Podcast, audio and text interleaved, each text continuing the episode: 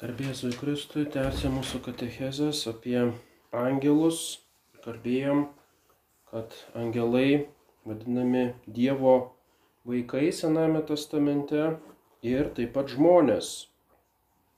Žmonės pirmiausia Sename testamente e, kolektyviai Izraelis kaip žydų tauta vadinamas Dievo sūnumi. O paskui jau vėlesnėse knygose Senojo testamento jau ir pavieniai žmonės vadinami Dievo vaikais. Ir štai naujame testamente tai tampa kaip pagrindinė e, vos neteologinė savoka. Krikščionės yra Dievo vaikai, jie yra įsūnyti, jie yra ne tik tai pakilėti liki angelų lygmens, reiškia ta prasme Dievo vaikai kaip angelai, bet jie yra įtraukti į tikrąjį Dievo sūnų Jėzų Kristų į jo mistinį kūną. Kiekvienas krikščionis iš visų tautų, ne tik tai žydų tautos, jau yra mylimas Dievo vaikas. Taigi pirmiausia, įstatymo knyga 14 skyrius. Jūs esate viešpatės Dievo vaikai. Neraižykite savęs ir neskuskite savo plaukų viršum kaktos dėl mirusiojo.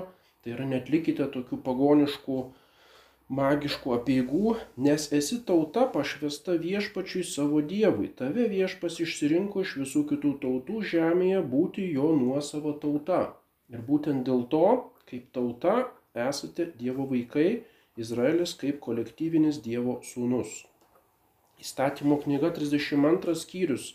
Ištikimas Dievas be apgaulės, teisus ir patikimas Tačiau neverti jo vaikai, ta sukta nedora karta pasielgė su juo apgaulingai. Nejau taip atsilygini viešpačiui paika ir neišmintinga tauta, argi ne jis tavo tėvas, kuris tave sukūrė, tave padarė ir įkurdino. Taigi tas Dievo vaikas yra nevertas to savo vardo, jis savo nuodėmėmis elgesi apgaulingai ir reiškia neįvertina to Dievo išrinktumo. Vėlesnėse knygose išminties knyga antras skyrius.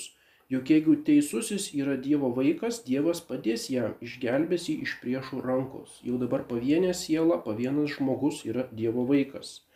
Išminties knyga penktas skyrius.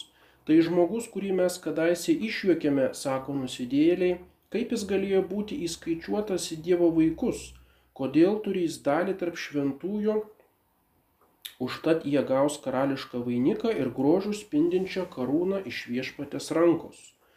Tai reiškia, nusidėjėliai juokiasi, kad jis įskaičiuotas į Dievo vaikus ir kodėl jis turi dalį tarp šventųjų. O šventieji šį čia, kaip visame Sename testamente, reiškia angelus. Reiškia Dievo vaikas, tas, kuris yra įskaičiuotas tarp šventųjų, reiškia tame amžinajame Dievo dvare kartu su angelais ir gaus už tai, kad atsilaikė prieš tas patyčias, gaus karališką vainikų, grožių spindinčią karūną iš viešpatės rankos, kaip princas, kaip to karaliaus dvaro e, įpėdinis. Apaštalų darbuose 17 skyrius. Paštalas Paulius cituoja pagonėms poetą Ratą, e, pagonišką poetą, juk mes jame gyvename, judame ir esame, kaip yra pasakę kai kurie jūsų poetai, mes esame iš jo giminės. Reiškia, net jau pagonis suvokia, kad žmonės e, yra kaip iš dievų giminės, dieviškos giminės ir štai tam e, poeto posakiui Paulius jau suteikia krikščionišką prasme. Todėl būdami dieviškos giminės neturime manyti, jog dievybė panašiai į auksą, sidabrą, akmenį arba į meno ar žmogaus minties kūrinius. Reiškia, nukreipia prieš stabmeldystę.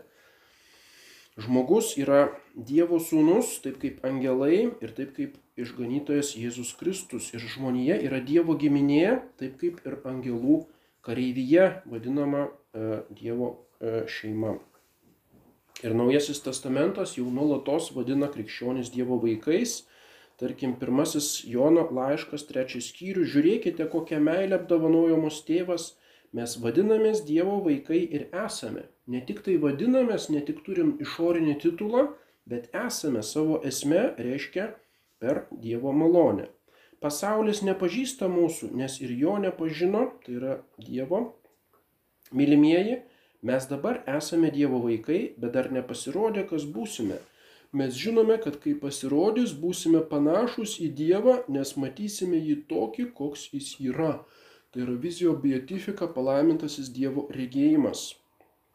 Reiškia tas Dievo įsunystė, kad mes esame Dievo vaikai, galų gale reiškia tai, kad mes bendrausime intimiai artimai su Dievu, jo karalystėje danguje, reiškia matysime jį toks, koks jis yra, matysime ne tik tai jo išorinius darbus, bet jo esmę. Ir čia galime prisiminti viešpatės maldą, tėvė mūsų, tėvė mūsų, kuris esi danguje. Reiškia dangus kaip visų mūsų maldų tikslas ir tas tėvas, kurio esame vaikai, jis yra danguje tarp angelų yra tame dangiškame dvare ir į tą dangų mes taip pat trokštame patekti pas savo tėvą.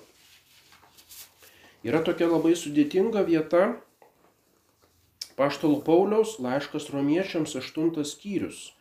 Aš manau, jog šio laiko kentėjimai negali lyginti su būsimąją garbe, kurise, kuri mumise bus apreikšta. Kalbama apie būtent tą išganimą danguje kūrinyje su ilgesiu laukia, kada bus apreikšti Dievo vaikai. Mat kūrinyje buvo pajungta tuštybei, ne savo noro, bet pavergėjo valia, su viltimi, kad ir pati kūrinyje bus išvaduota iš pragaišties vergovės ir įgys Dievo vaikų garbės laisvę. Juk mes žinome, kad visa kūrinė iki šiol tebe dūsauja ir tebesikankina. Ir ne tik ji, bet ir mes patys, kurie turime dvasios pradmenis, ir mes dėjuojame, laukdami įvaikinimo ir mūsų kūno atpirkimo. Ir štai ką reiškia ta kūrinyje, e, daug atrodo iš viso konteksto, kad ta kūrinyje tas žodis čia skiriasi nuo žmonių arba nuo žmonių, kuriems skirtas atpirkimas. Ir ne tik ji, tai yra kūrinyje, bet ir mes patys, kurie turime dvasios pradmenis. Ir mes dėjojame, laukdami įvaikinimo. Reiškia, tai yra skirtumas tarp tos kūrinijos, čia turime omenyje ne žmonių visuma, bet kažkas skirtingo. Ir atrodo, kad čia turime omenyje gamta. Neprotingoji gamta, gyvūnai, gal net augalai, gal net visas kosmosas. Ir jeigu tokią prasme e, reiškia suteikti tam žodžiui kūrinyje, tada iškyla daugybė teologinių klausimų, kuriuos dabar išnaudoja visa šita žaliųjų e, įkvėpta teologija, gamtos teologija, gyvūnų teologija ir taip toliau. Pati kūrinyje bus išvaduota iš pragaišties vergovės ir įkys Dievo vaikų garbės laisvę. Kaip čia dabar suprast? Ar tai reiškia, kad toje antgamtinėje malonėje Dievo vaikystėje į vaikystėje turės e, dalį ir kosmosas, ir gyvūnai, augalai, ir kūrinyje kūrinyje su ilgesiu laukia, kada bus apreikšti Dievo vaikai.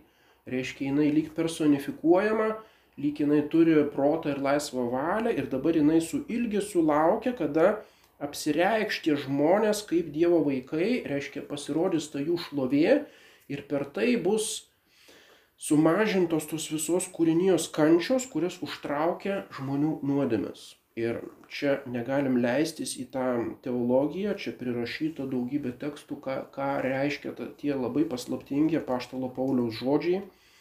Tiesiog reiškia tas Dievo vaikų garbė, jinai kažkokiu paslaptingu būdu apima visą kosmosą, visą neprotingąją gamtą. Ir kai kuriuose vietose žmonės taip pat vadinami angelais. Aštuntoji psalmė Kas yra žmogus, kad jį atsimeni, kas yra mirtingasis, kad juo rūpinėsi.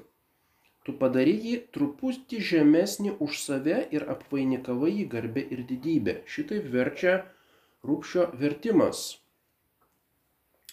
Reiškia, tu kreipiamas į Dievą, žmogų padarėjai truputį žemesnį už save hebrajiškai yra Elohim ir rūkšys savo vertime rašo iš didžiosios raidės už save, reiškia už Dievą, apvainikava jį garbė ir didybė. Ir tai visiškai nepriimtina, kaip gali būti, kad žmogus yra tik tai truputį žemesnis už Dievą. Čia visiškai netitinka viso konteksto ir psalmių, kurios išaukština Dievą be galo virš visos tvarinijos. Dievas yra galingas, jis e, valdo visą kosmosą vieno, vieno ranka, vienu pirštu, sukelia žemės drebėjimus, kalnus sulygina ir taip toliau, kaip vis, visose psalmėse apie tai skaitome, jau nekalbant apie kitas e, Senojo testamento knygas. Žmogus yra niekas, yra kaip dulkė palyginus su Dievu. Ir kaip dabar jis tik tai truputį žemesnis už save, tai yra visiškai neįtikėtinas vertimas, reiškia, reikia priimti taip, kaip yra verčiama vulgatoje e, tradicinėje Biblijoje ap angelis. Už angelus Elohim hebrajiškai čia reiškia ne Dievą, o reiškia dievus, ta prasme angelus. Tu padarėjai žmogų tik truputį žemesnį už Elohimus, už angelus ir apvainikavai jį garbė ir didybė. Ir lygiai taip aiškina Paštalas Paulius laiškė žydams antras skyrius, ne angelams Dievas pajungia ateities pasaulį, apie kurį kalbame, beje kažkas kažkur yra liudyjas, čia jis cituoja iš galvos 8 psalmę, kas yra žmogus, kad jį atsimeni, kas žmogaus sūnus, kad juo rūpinėsi. Čia įterpiamas žodis žmogaus sūnus, Padarėjai trumpam laikui mažesnį už angelus, didybė ir garbė jie apvainikavai, visą pajungiai jo valdžiai. Ir paskui sakoma, kad čia turimas omenyje Jėzus, tasai žmogaus sūnus. Reiškia, paštalas Paulius šitą eilutę pritaiko žmogaus sūnui, tai yra Jėzui Kristui, bet būtent jo žmogiška, žmogiškosios prigimties E, aspektu, kad jis trumpam laikui, kaip įsikūnijas Dievo sūnus, reiškia kaip Jėzus iš Nazareto, yra mažesnis, trupučiuką mažesnis už angelus, bet dabar jis yra pakeltas į dangų, jis yra didybė ir garbė apvainikuotas ir kaip žmogus jis turi valdžią, visą pajungia jo valdžiai, reiškia Jėzus Kristus danguje, kaip žmogus turi absoliučią valdžią visam kosmosui, visai tvarinyjai ir taip pat angelams. Tai reiškia, e, paštului Pauliui aišku, kad jau ir originalus tekstas aštuntos psalmės turi omenyje angelus. Reiškia, žmonės yra tik truputį žemesni už angelus, o ne už Dievą. Izaijo 42 skyrius. Štai mano tarnas, kurį aš remiu, mano išrinktasis, kuriuo aš geriuosi, Apgaubiau jį savo dvasia, kad neštų tautoms teisingumo. Jo mokymą lauks tolimos salos. Aš sukūriau ir padariau tave tautos sandoro, tautų šviesa, kad atvertum neregių akis, išvestum iš kalėjimo belaisvius, išvaduotum sėdžiančius belangės tamsybėse. Čia kalbama apie būsimą mesiją.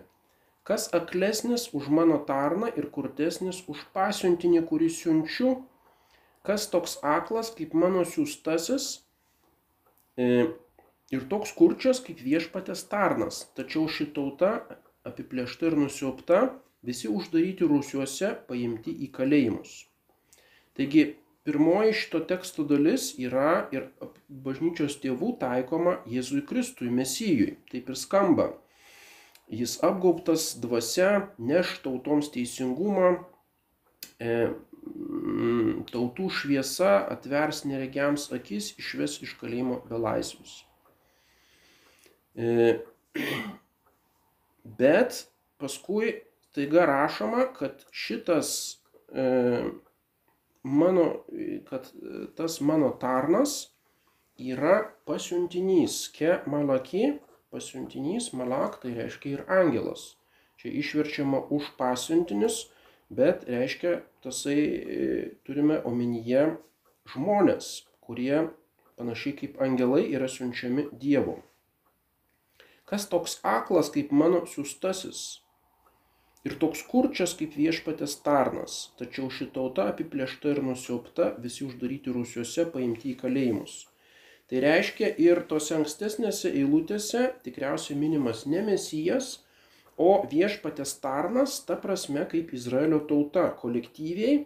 Ta Izraelio tauta yra kaip Dievo sūnus, kaip angelas, kemalaki, pasiuntinys Ir jis yra skirtas kaip kolektyvinis, reiškia, asmuo nešti pagonim šviesą, e, nešti tautoms teisingumą, jo mokymą lauks tolimos salos, salos tai reiškia pagonis, turės mokytis iš žydų, tačiau dėl savo neištikimybės jisai pats tampa aklas, jis kitiems turi nešti šviesą, tasai viešpatės tarnas, tai yra Izraelis, bet jis pats aklesnis už Kas aklesnis už mano tarną ir kurtesnis už šitą angelą, kurį pasiunčiau?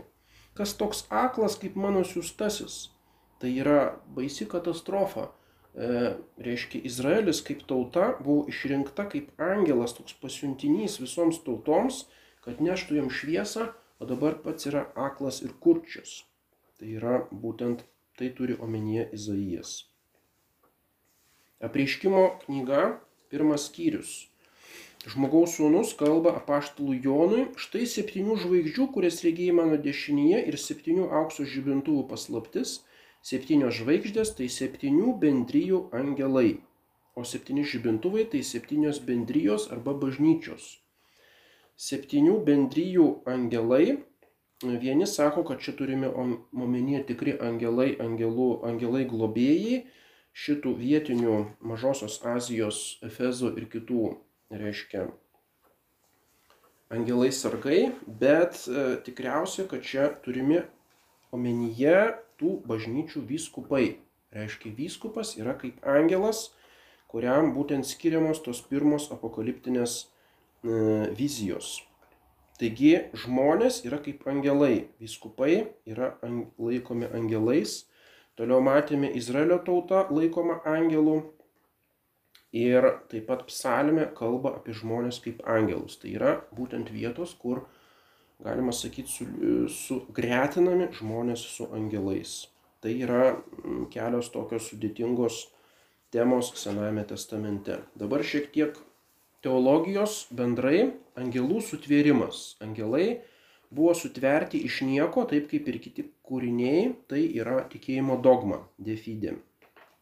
Pirmasis Vatikano susirinkimas kartu pačioje Dievo pradžioje Dievas iš nieko sutvėrė abi dvi tvarinijas, tai yra dvasinė ir kūniškąją, angeliškąją ir žemiškąją. Reiškia, pirmasis Vatikanas išskiria dvi tvarinijos tokius kaip lygmenis e, - spiritualiam et corporaliam, angelikam et mundanam. Dvasi, dvasin, dvasinė kūrinyje būtent yra angelai. Reiškia, jie yra sutverti Dievo, nėra amžini ir sutverti ex nihilo, kaip ir regimoji visata ir nėra kažkokia emanacija iš pačios Dievo substancijos, kaip mane kai kurie eretikai, manikėjai, priskilijonai, būtent jau Justinas, Augustinas prieš tą tokią nuomonę kovojo, kad angelai yra kažkokios kaip Dievo energijos arba tiesiogiai iš Dievo išplaukia ir reiškia yra nesutverti, o yra paties Dievo tam tikri aspektai. Ne, jie yra sutverti taip kaip ir kosmosas, kaip ir žmonės, ir žvaigždės, ir gyvūnai ex nihilo. Pradžios pirma knyga, e, pradžios knygos pirmas skyrius, pirma eilutė, pradžioje Dievas sutvėrė dangų ir žemę. Ir štai Nikėjos e, susirinkimo, pats pirmasis bažnyčios susirinkimas, jo simbolis, kuris vėliau išplėstas yra būtent tasai kredo, kurį gėdama šventosiuose mišiuose, jau jisai interpretuoja šitą pačią pirmąją švento rašto eilutę. E, Tikiu į Dievą, Tėvą visagali Pantokrator, e, kurėja dangaus ir žemės visų regimų ir neregimų dalykų. Faktorium čeli et tere visibilium et invisibilium. Reiškia, dangus ir žemė jau interpretuojama kaip regimosios visatos ir e, angeliškos, angeliško dangaus sutvėrimas. Invisibilium tai reiškia neregimieji dalykai. 148 psalmė šlovinkite jį visi jo angelai, šlovinkite jį visos jo dangiškos galybės, visą te šlovina viešpatės vardą, nes jis tarė ir visa buvo sukurta. Jis tarė ir visa buvo sukurta, visi tie dalykai, kuriuos, kuriuos šlovina tą psalmę, ir tarp jų visi angelai ir dangiškos galybės jos taip pat buvo sukurtos. Taip pat kolosiečiams pirmas skyrius kalbama apie e, būtent angelų sutvėrimą. Taigi šventasis Tomas Akvinėtis rašo, kad angelai turi savo būties priežastį Dievą e, ir būtent cituoja jisai Augustiną, De Civitate Dei, kuris mano, kad angelų sutvėrimą apima pradžios knygos pirmos skyriaus žodžiai dangus ir šviesa. Taigi e, pradžioje Dievas sutvėrė dangų ir žemę ir būtent tas dangus apima ir dvasinę tvarinyje, kaip mano šventasis Augustinas ir tam pritarė šventasis Tomas. Taip pat Fiat Lux, te būna šviesa, vėlgi kita Augustino versija, kad kartu su šviesa buvo sukurtos ir tos šviesiosios būtybės angelai. Ir štai pasak Tomo, būtent Mozė toje pradžios knygoje angelų nemini, kad nekiltų politeizmo pavojus. E, su šituo nesutinka visa dabartinė, reiškia, egzegezė, kuris sako, kad e, Mozė pradžios knygoje visiškai neturi jokios intencijos kalbėti apie angelus, Jo vienintelė tema yra regimoji tvarinyje Žemė, kosmosas ir dangus ir Žemė arba šviesa tai yra materialus dangus virš mūsų galvos, o šviesa tai yra materiali šviesa ir čia nieko bendro neturi su angelais.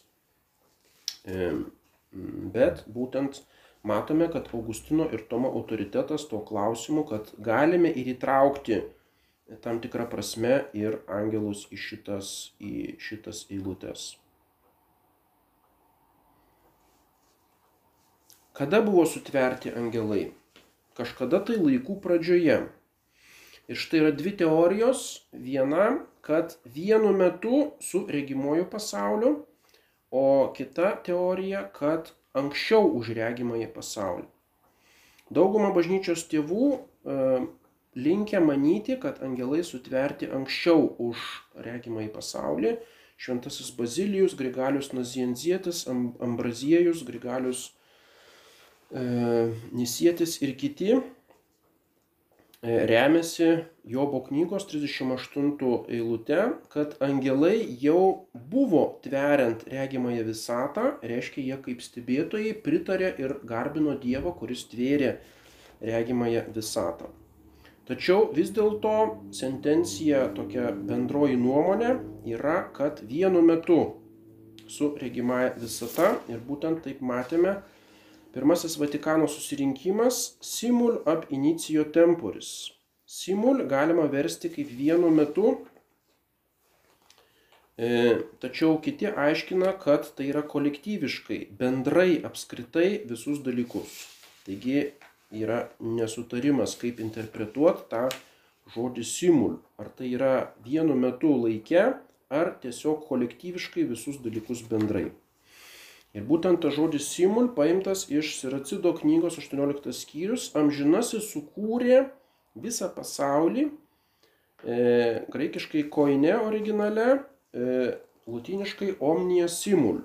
Ir tas koine arba simul, ką jisai reiškia? Ar tai reiškia, kad vienu metu, ar tai reiškia, kad kolektyviškai bendrai. Tačiau e, lab, įsigalėjo šitą nuomonę nuo Švento Augustino laikų. Taip pat Grigalius didysis, e, Šventasis Tomas Akvinietis jau mano, kad angelai vienu metu su kosmosu sukurti, reiškia tą žodį simul interpretuoja kaip chronologiškai vienu metu.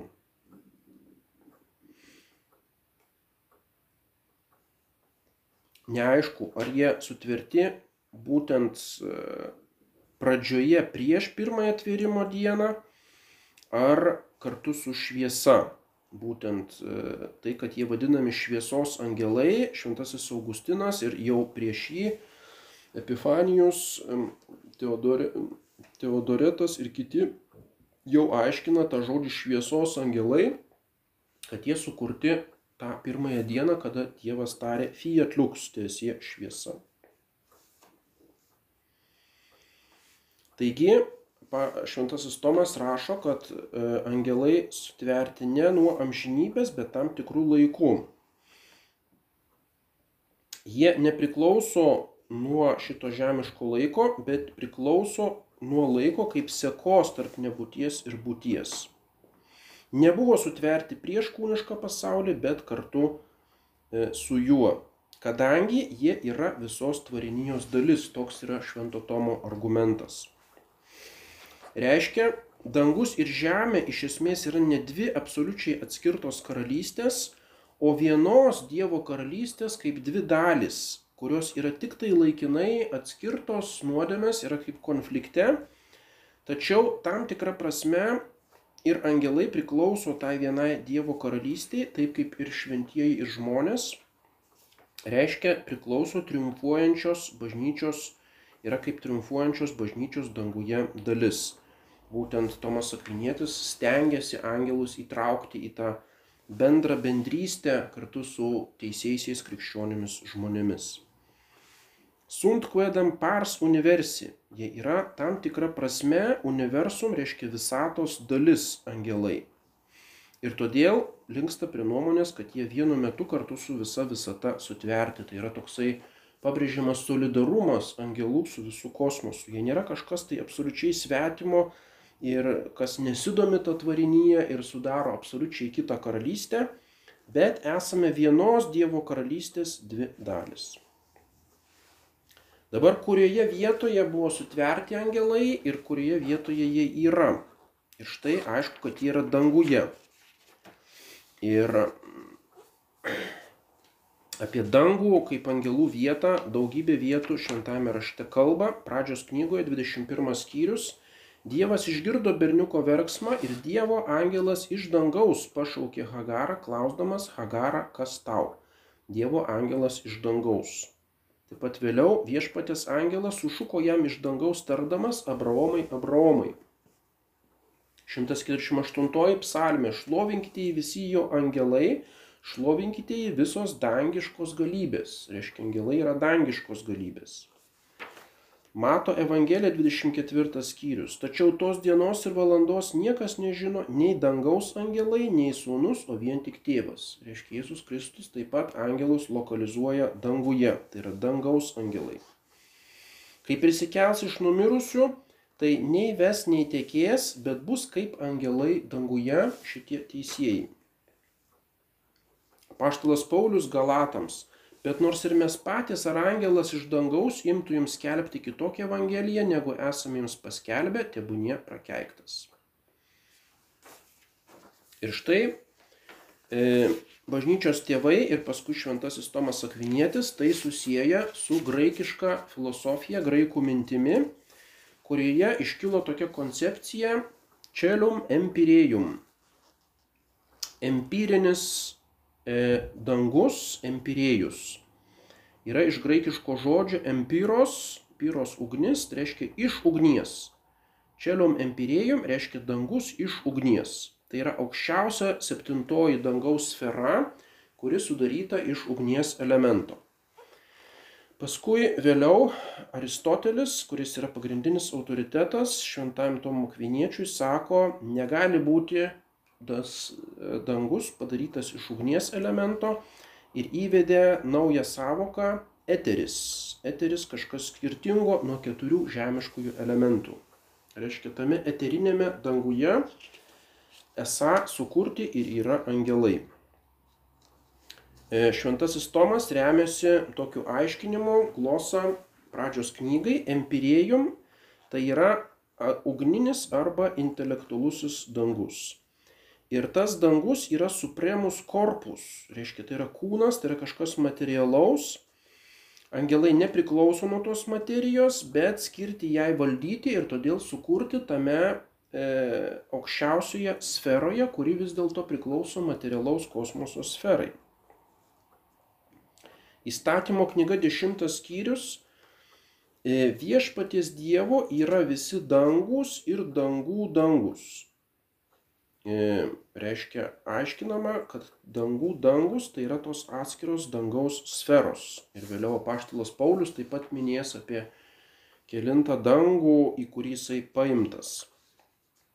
Tai reiškia, aukščiausias toks dangus yra čelium empirėjum ir būtent ten, e, ten angelai sutvirti.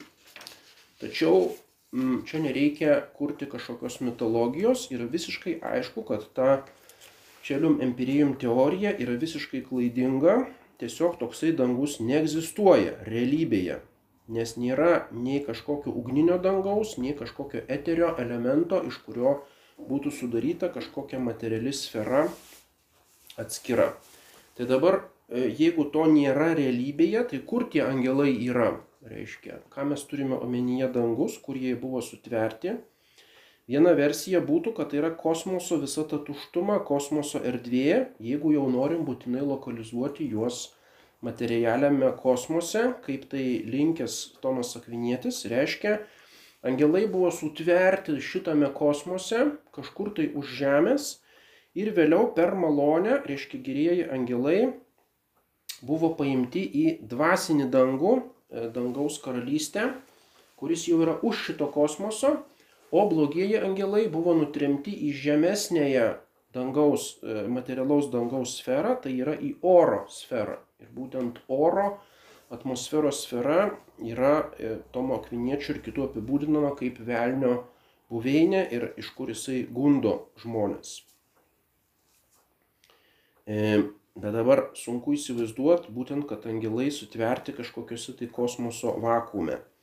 Taigi kita teorija būtų, kad jie buvo sutverti šitome dvasinėme danguje, apie kurį mes kalbame, kad į šitą dangų eis teisėjai.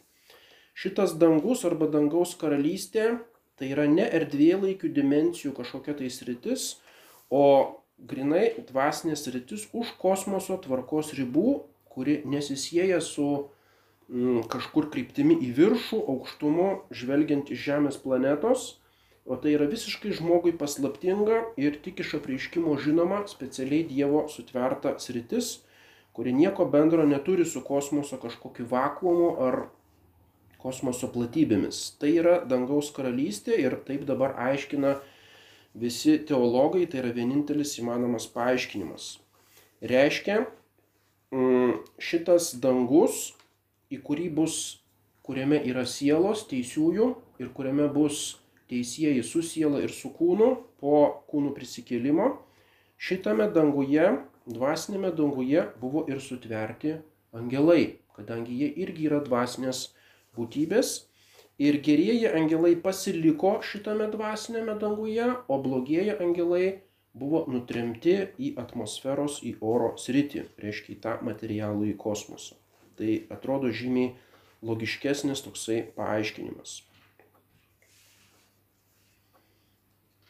Tai pats Dievas nėra lokalizuojamas šitame dvasinėme danguje. Jis yra anapus jo, tik jame veikia taip, kaip veikia ir mūsų visatoje.